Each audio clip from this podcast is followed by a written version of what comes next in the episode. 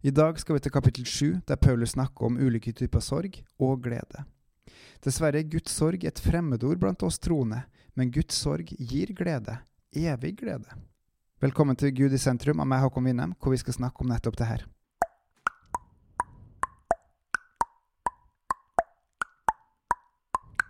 Paulus skrev trolig tre-fire brev til korinterne, så derav er det litt uvisst om hvilket brev han sikter til når han skriver.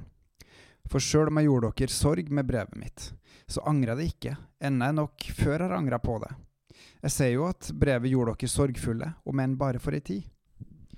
Han må tydeligvis ha vært mer streng enn hva han egentlig ville, kanskje drevet av Den hellige ånd, for han angra på det han skrev, i alle fall til å begynne med. Men denne sorgen han påførte dem, den har gitt gode resultater og blir snudd til glede. Det er aldri godt å påføre andre sorg, det kan jeg skrive under på. Faktisk er jeg av den typen som virkelig ikke ønsker å gjøre andre sorgfull, så ofte unnviker jeg situasjoner i stedet. Dette er dog ulikt hos, uh, hos, oss, og noen kan nok være for direkte i visse situasjoner også. Her trengs det visdom for å trå smartere, begge veiene. Og denne visdommen kan man faktisk også øve opp ved hjelp av Den hellige ånd, ved å spørre Han til råds. Legg dine gjerninger på Herren, så skal dine planer ha framgang, sier ordspråkene 16.3. Å påføre andre sorg er ikke kjekt, og det setter også relasjoner på prøver. Det finnes sorg som er av det onde, som medbringer død og ødeleggelse, enten det med vilje eller ubevisst. Vi mennesker har en begrensa evne til å se og forstå hvordan ting henger sammen. Sånn er det. Sjøl velment konstruktiv kritikk kan ødelegge.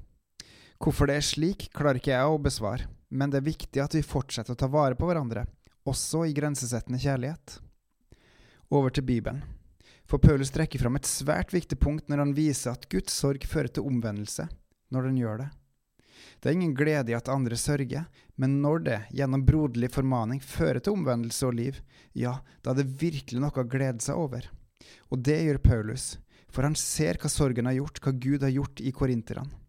Liv, glede, forsvar, faktisk harme og frykt, lengsel og nidkjærhet og straff. Legg merke til at alle disse ordene er positive her. Det er positivt, og det er etter Guds vilje. Det blir som når Jesus i Åpenbaringen 3 sier at han hater nikolittenes lære, og når han velter selgernes bord og pisker de vekk fra tempelet i Jerusalem. Noe er forbudt, noe må straffes, og noen må gjøre det for Guds vrede tar dem. Husk at Guds kjærlighet ikke er betingelsesløs. Det er jo kun de som omvender seg og tror på Jesus, som blir frelst, og ingen andre. Og en synder som fortsetter å synde, har han virkelig omvendt seg? Ja, det er noe som heter å være i prosess, men en går begge veier.